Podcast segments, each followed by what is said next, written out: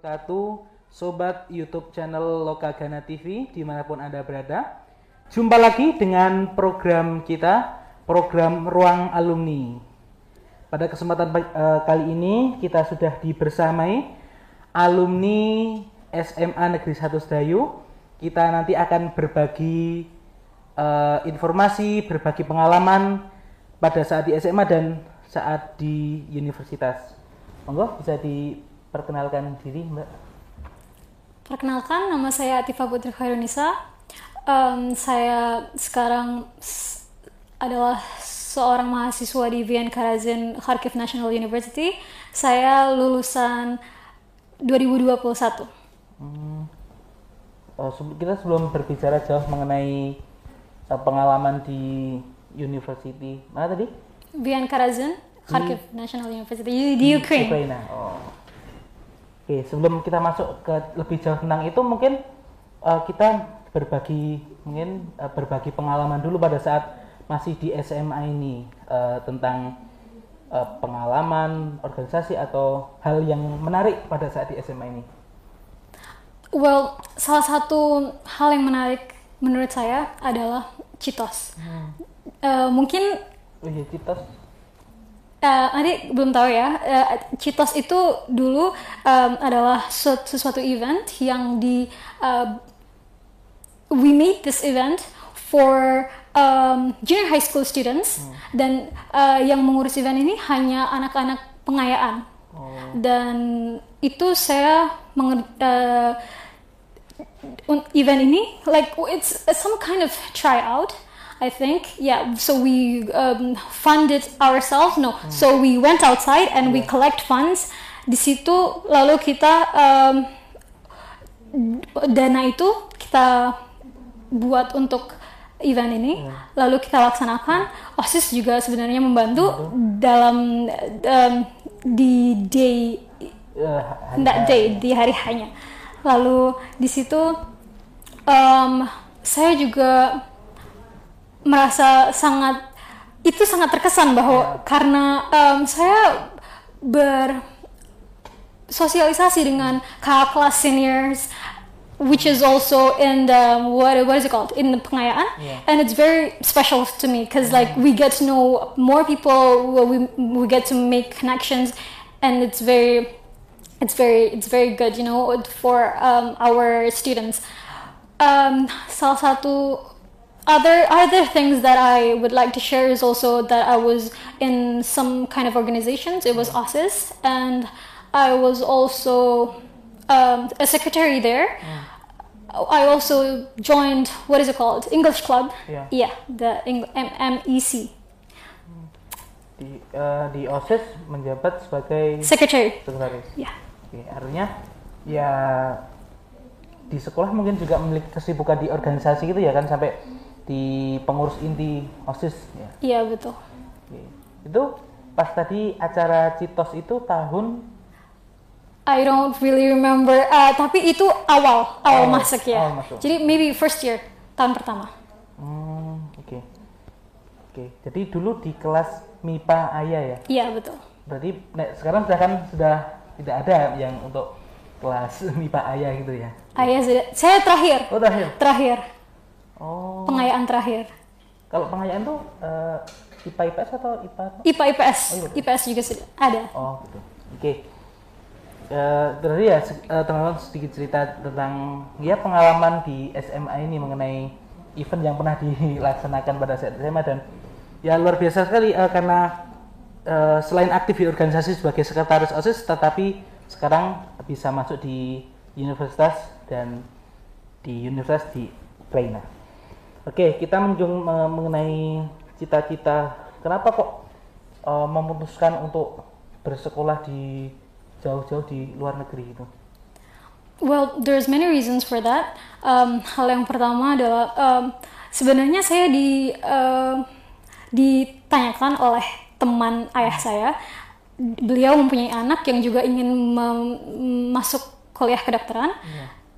Kenapa tidak uh, bergabung dengan anak saya di Vian Karazin ini. Hmm. Jadi uh, saya juga searching-searching di Google dan ternyata the facilities is very good and it also teaches dalam bahasa Inggris. Di situ saya memutuskan oke okay, why not try? So I applied and ternyata masuk. Jadi uh, what me and my family thought was that because in Ukraine it's also it's very cheap it's cheaper than kuliah kedokteran di Indonesia that's one of the factors why I um, studied in Ukraine ya Oke. Kenapa kok memutuskan untuk ya aku tertarik di di di, di kedokteran nih? Itu karena apa? There's many reasons. The, first of all, uh, dulu waktu saya masih kuliah eh, masih SMA di sini, saya diajarkan menggunakan slide Oh. biology dalam bahasa Inggris. Dan menurut saya, wow, this is very good. I want to keep studying biology in English. Uh, so I did that, and I've always wanted to study, pursue a career in um, science.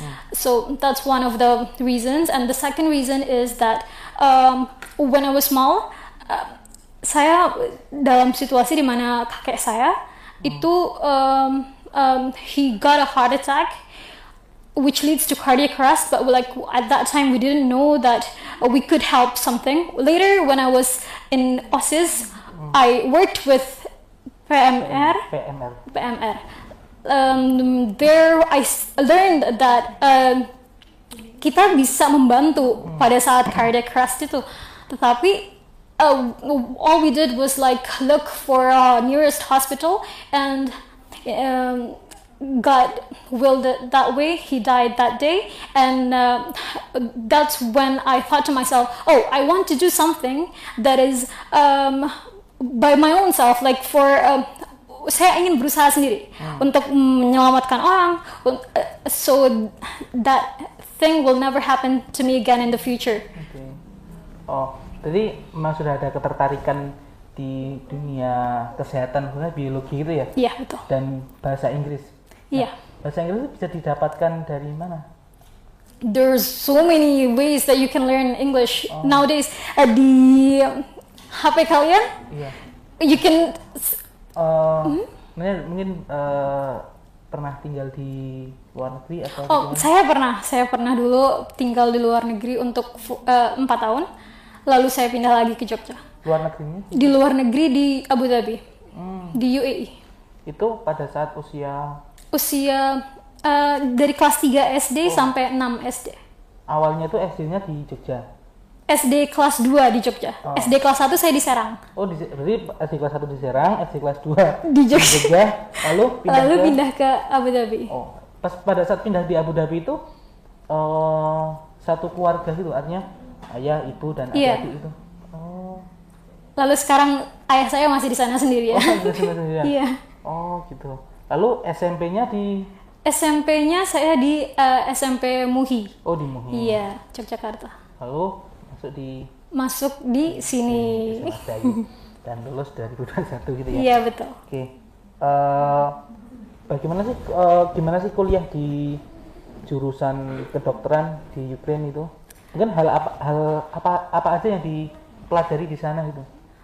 It's really fun. Um, the people there is very nice.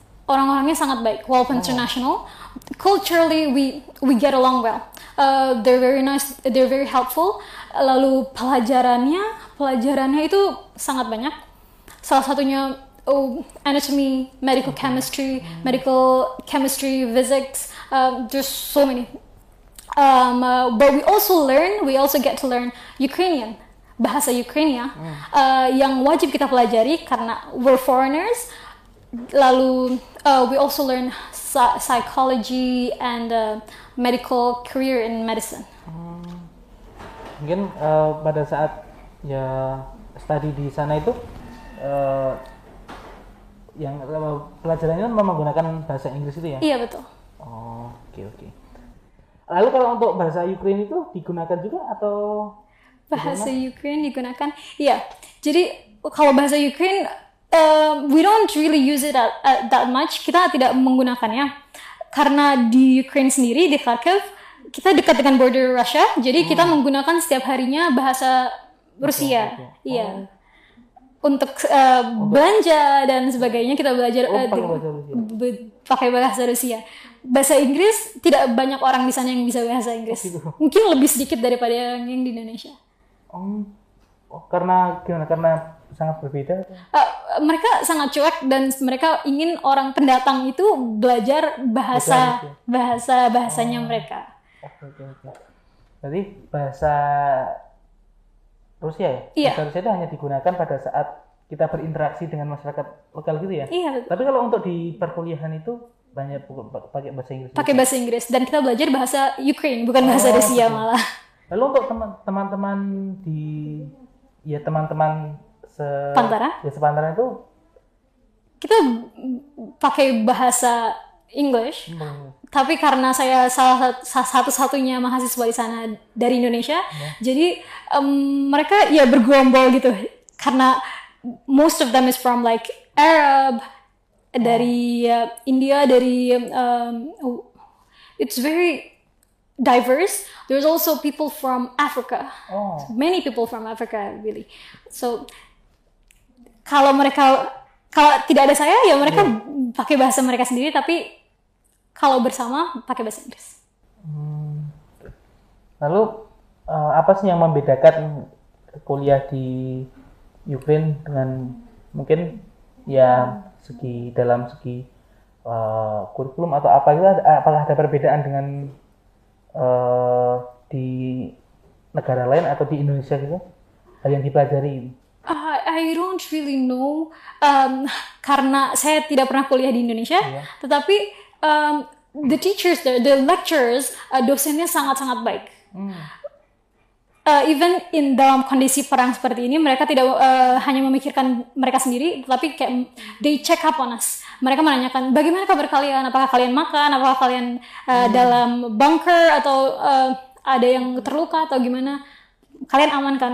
Kita uh, saling me- uh, menanyakan ka- kondisi masing-masing dan mereka sangat baik. Mereka mm, uh, me- what is it called? uh, they think of us as like a friend, not as a student, you know. Oh, seperti teman. Iya. Hmm. Lalu kalau apa eh ber, ya study di Ukraina itu ya pada saat perang seperti ini bagaimana? Apakah diliburkan atau bagaimana? Atau online? Um, sebenarnya dari tanggal 24 24 bulan bulan Kemarin ya? Februari ya. ya. Eh, tanggal dari tanggal Feb, eh, 24 Februari itu it's the the attack started so the school was cancelled from that day onwards Eh, dan hari ini ah, seharusnya saya sudah mulai Oh, ya ya sudah mulai Insya Allah nanti jam 12 karena ada ja- waktu yang berbeda saya akan mulai nanti Oh, iya waktunya tetap tapi eh, masih nah, kalau sekarang masih online kan? gitu? masih online ya Oke. Eh, lalu kondisi di sana untuk pandemi itu bagaimana sih? Eh, apakah COVID-nya juga eh, sangat parah atau biasa saja atau bagaimana? Kalau di itu. Aha. Jadi sebelumnya eh, waktu saya awal masuk itu kami sempat online, eh offline, Offline. offline. Kami sempat offline. Lalu karena eh, lingkungan di sana mereka sudah pada vaksin dan booster, jadi mereka tidak terlalu eh, memikirkan dan di sana mereka sudah lepas masker semua Oh. di luar. Kalau di dalam tetap Tetap harus, masker. tapi em, karena protokolnya yang tidak kurang itu, lalu mm, I think that um, because of the new variant also corona uh, the cases the cases have like uh, increased jadi um, we went from offline to online Oh. Oh, jadi ya seperti di Indonesia juga seperti itu kalau di SMA kan kemarin sempat off. Oh, gitu? Ya, sama oh, ingin sama sekarang ya juga kadang online kadang offline gitu. Oh. Jadi tergantung ya Iya, tergantung. eh, berarti ya mirip-mirip antara Ukraine dan ini. Lalu kalau pada saat eh, pada saat apa namanya? Pada saat masuk itu gimana? Keadaan di sana masuk dan masuk 2021 kan.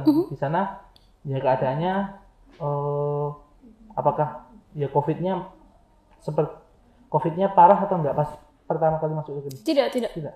tidak di sana um, because most of the karena kebanyakan rakyatnya sudah divaksin um, that's why they also lift the mask policy. Jadi di sana sangat aman. Hmm, Iya. Oke. Sebelum ah ada yang lupa tadi tentang itu bagaimana sih eh, tes untuk masuk di universitas di sana itu tesnya apakah ya mungkin mirip-mirip dengan di Indonesia atau bagaimana? Sebenarnya mirip. Jadi saya awalnya tes tes wha- what is it called the uh, report card saya dikirim lalu uh, I got accepted saya diterima lalu, lalu saya langsung ke sana saya ke sana saya tes um, tulis written test Tesnya dua kali. Yes, ada tes dua kali.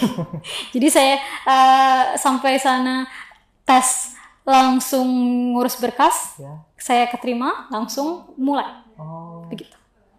mulainya itu tetap di kalau di sini kan di bulan Juni gitu. Kalau di sana Oh, um, I started later uh, karena karena um, um, they understand that we're I'm from Indonesia and like it takes a long time to process the uh, document. Jadi mereka mengerti dan mereka um, uh, saya mulainya itu November. oh November. November. Jadi cukup harus mengejar itu ya. Iya. Mengejar. saya mengejar memang sangat sulit itu mengejar semester itu dijadikan dipadatkan. Oh gitu. Pada saat masuk di sana memang bahasanya sudah bagus. Bahasa, bahasa Inggrisnya eh, untuk ya untuk berbicara dan sebagainya itu sudah. Kalau bahasa Inggris saya sudah tidak khawatir, cuma uh, Ukrainian sama Russian-nya Oh. itu yang sulit. Oh gitu. Karena saya belum pernah mempelajari itu sebelumnya. Oke. Lalu untuk untuk berinteraksi dengan masyarakat di sana gimana? Eh, untuk belanja atau untuk apa gitu? Um, se sign language dengan gerakan badan, Oh, gitu. tetapi eh, mereka setidaknya saya setidaknya bisa sedikit sedikit iya Oh. bahasa mereka. Lalu untuk di sana itu tinggal di apartemen atau di apa? Saya tinggal di apartemen with my roommate dengan roommate saya. Eh, roommate saya dari Egypt. Oh gitu. Lalu kalau untuk biaya hidup di sana bagaimana? biaya hidup di sana di sana um, I don't really know but like we uses grivna and when 100 grivna when you have a 100 grivna um, what is it called? Currency. Kalau di convert ke Indonesia itu bakalan jadi 50 ribu. 50.000. so I think it's very it's cheap. It's like when you live in Jakarta. Ah. uh, it's not that um, what is it called? It's not like what they people think when uh, they talk to me. They think in Europe itu sangat mahal tetapi di Ukraine itu tidak mahal dan um, even the study for the like the fee for the university itu lebih murah daripada di Indonesia Oh untuk biaya kuliahnya kuliahnya lebih murah ya? ya betul Iya. Oh. Lalu untuk hi- hidup sehari-hari gimana? Untuk makan dan sebagainya itu? kalau itu saya sangat kesulitan karena saya sangat menyukai Indomie dan di sana tidak ada Indomie Oh, Mungkin harus bawa dari Indonesia ya. Ya, itu susah sekali karena saya lupa kemarin cuma bawa satu Indomie doang, nggak ke bawah soalnya. Oh gitu. Iya, lalu di sana pada makannya roti, tidak nasi. Jarang sekali orang yang makan nasi. Oke. Eh, Kalau eh, orang di negara lain juga jarang juga yang makan nasi atau gimana? Iya, hanya mungkin orang Arab, tapi orang Arab juga tidak sesering kita. Oh gitu. Iya, orang Arab kalau saya cerita, oh saya makan eh, eh, breakfast juga nasi, kata mereka, kenapa? Itu tuh sangat sangat sangat tidak bagus untuk, katanya sangat berat nasi itu untuk sarapan. Padahal di Indonesia kalau belum makan nasi belum makan namanya. Belum kenyang ya? Belum kenyang. Ya Indonesia kan pagi siang sore ya nasi terus. Iya betul. Hmm, gitu. Oke. Tadi kembali ke keadaan di sana. Tadi kan sudah keadaan COVID ya. Kalau keadaan perang di sana itu gimana? Kalau terakhir saya di sana itu tuh sangat, um, it became worse. Uh, rudalnya continuously it came and um, we uh, we can't even sleep at night. Jadi kita harus mm, uh, yang kita sudah menyiapkan tempat tidur tapi itu kan dekat jendela jadi kita harus lari pada malam hari untuk keluar untuk ke lorong itu agar tidak kena Nah, uh, pecahan kaca. betul lalu di situ um, uh, from that day on, um, onwards it was so it was so it was so terrible that we decided to uh, contact the KBRI because they have not come they can't mereka tidak bisa datang Oh. jadi kita mengusahakan untuk evakuasi secepatnya karena sudah tidak memungkinkan lagi Iya. Lalu evakuasinya gimana itu pada saat eh, banyak serangan-serangan gitu? evakuasinya itu saya dari Kharkiv em, menggunakan kereta untuk ke Lviv. Lalu di Lviv itu kita menunggu em, KBRI Warsaw, Poland. Di situ kami ketemu dengan mereka lalu dijemput dan pergi menggunakan mobil. Oh, mobil. Dengan mobil kita ke Poland, ke perbatasan Poland. Alhamdulillah dimudahkan karena kita dengan embassy. Lalu di situ em, di Poland sampainya kita di sana kita dijemput dengan eh, kita pindah ke bus sudah disiapkan bus lalu what is it called we continued to get a PCR test lalu saya juga eh, ketemu dengan ibu dubes. Ibu dubes. Warsaw Poland. Mhm. di situ saya menginap di rumahnya. Kami berbincang-bincang dia sangat baik dengan kami. Uh, lalu kita um, the next day she got us plane tickets Iya, to Dubai. Iya. we transit in Dubai and then uh, we went to Jakarta. Oh, tadi pas belum sampai Jakarta, Mhm. pas eh, menuju ke Poland tadi ap- sendiri atau bersama siapa? bersama um, empat WNI lainnya Oh, satu ini. Iya. Oh, gitu. Terus sampai di Jakarta harus isolasi dulu atau gimana? Harus Sam- tes juga. sampai ya sampai Jakarta saya harus karantina tiga hari tiga hari. lalu saya uh, swab test lagi habis itu saya um, ke airport um, membeli tiket sendiri langsung pulang ke Jogja Hmm. Berarti pada saat eh, orang tua pada saat tahu di Ukraina lagi ada perang itu gimana?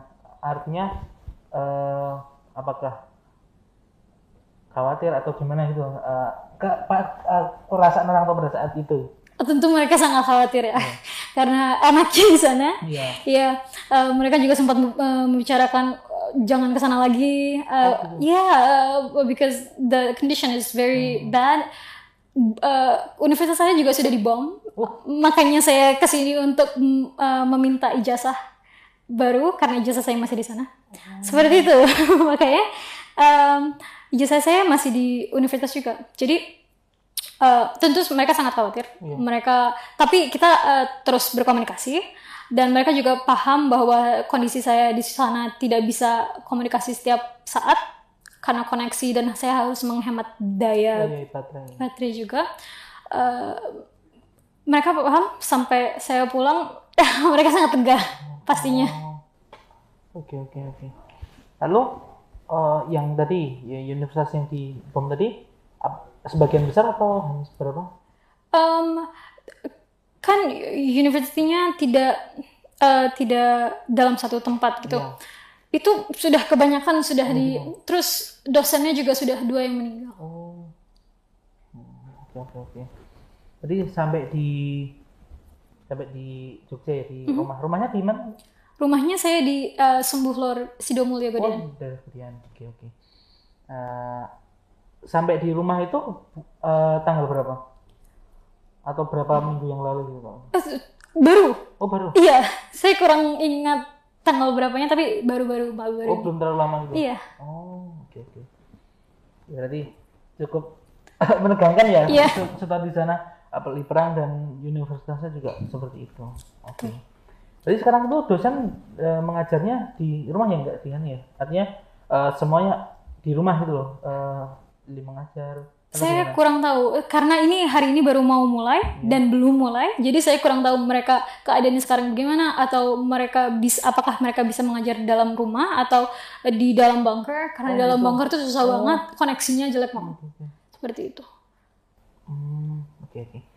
Mungkin eh tadi ya cerita untuk eh, perjalanan dari Ukraina sampai Indonesia. Iya. Nah, mungkin eh saran atau tips ke, untuk kami yang masih berada di SMA ini tips jangan minder untuk kuliah di luar negeri atau eh, tips-tips bagaimana tips belajar agar bisa sampai di uh, mengejar cita-cita yang diinginkan. Um, well, one of my saran for you guys is that for you, you not to be afraid untuk kalian tidak um, takut untuk belajar bahasa, especially because when I know that um, students like to make fun of other students for like learning new languages, uh, jadi jangan takut untuk belajar bahasa baru, jangan takut untuk um, kalau kalian tidak keterima di Indonesia, kalian masih bisa mencoba di luar negeri dan itu masih lu- luas di luar sana. Jangan ah, takut untuk keluar kota, untuk keluar negeri for grade 12 students and uh, please study from 10th grade. Jangan mendadak belajar di kelas 12 karena itu sangat tidak memungkinkan. Mungkin kalian beberapa ada yang uh, lucky, they got lucky, but for whatever um, um, major you want to go to, you have to study from the first. You, you have to plan out plan A, plan B, plan C if it doesn't work out in case. So that's it. Yeah. I hope you guys do great. You all, all of our students SMA Negeri Satu Sedayu uh, can go out there and like be, wha- what is it called? Um, leaders of the world and like can make names for our school you know uh, for for other students to know us. Because even when i was in ukraine people keep calling me indonesia. I was like a repre- gue kayak representatif Indonesia karena satu-satunya mahasiswa di sana. Semangat. Oke. Mungkin eh, eh, tanya sedikit nanti setelah eh, lulus di S1 kedokteran ingin lanjut di Eh, karena sepertinya tidak memungkinkan untuk saya penyetaraan di Indonesia karena it will take a long time. Jadi mungkin saya akan lanjut S2 di luar negeri. Tapi Allah, insya Allah eh, it, it all works out for the best ya. semoga diberikan kemudahan Amin amin eh, nanti mengejar cita-citanya. amin. Thank you. Eh, mantap sekali teman-teman semua tentang perbincangan kita pada kesempatan kali ini. Mungkin sangat memotivasi sekali eh, tentang kita itu biar gak minder gitu loh. Nanti kalau ada kesempatan kita coba untuk kuliah di luar negeri. kan kalau kita sama eh, ada keterbatasan di bidang biaya mungkin bisa cari beasiswa ya, Mbak. Betul betul sekali. Banyak banyak, um, especially um, other uh, what is it called majors besides uh, karena mungkin kedokteran agak susah ya beasiswa, tetapi uh, for other I know because I, I've been there. There's a lot of beasiswa and like for uh, languages, if you're afraid kalian di sana akan bertahun-tahun. Jadi lama kelamaan kalian akan belajar dan bisa bahasa itu sendiri. Jadi, jadi jangan takut kalau masalah bahasa ya. Oke, oke, menarik sekali tentang eh, kuliah di luar negeri ini. Eh, semoga diberikan kelancaran hingga nanti lulus ya. Mbak. Amin. Oke, terima kasih eh, teman-teman yang sudah menonton eh, bincang-bincang kita pada kesempatan hari ini eh, di ruang alumni ini. Semoga eh, acara pada siang eh, kali ini dapat memotivasi kita semua dan menginspirasi. Terima kasih. Banyak kurangnya mohon maaf. Wassalamualaikum warahmatullahi wabarakatuh.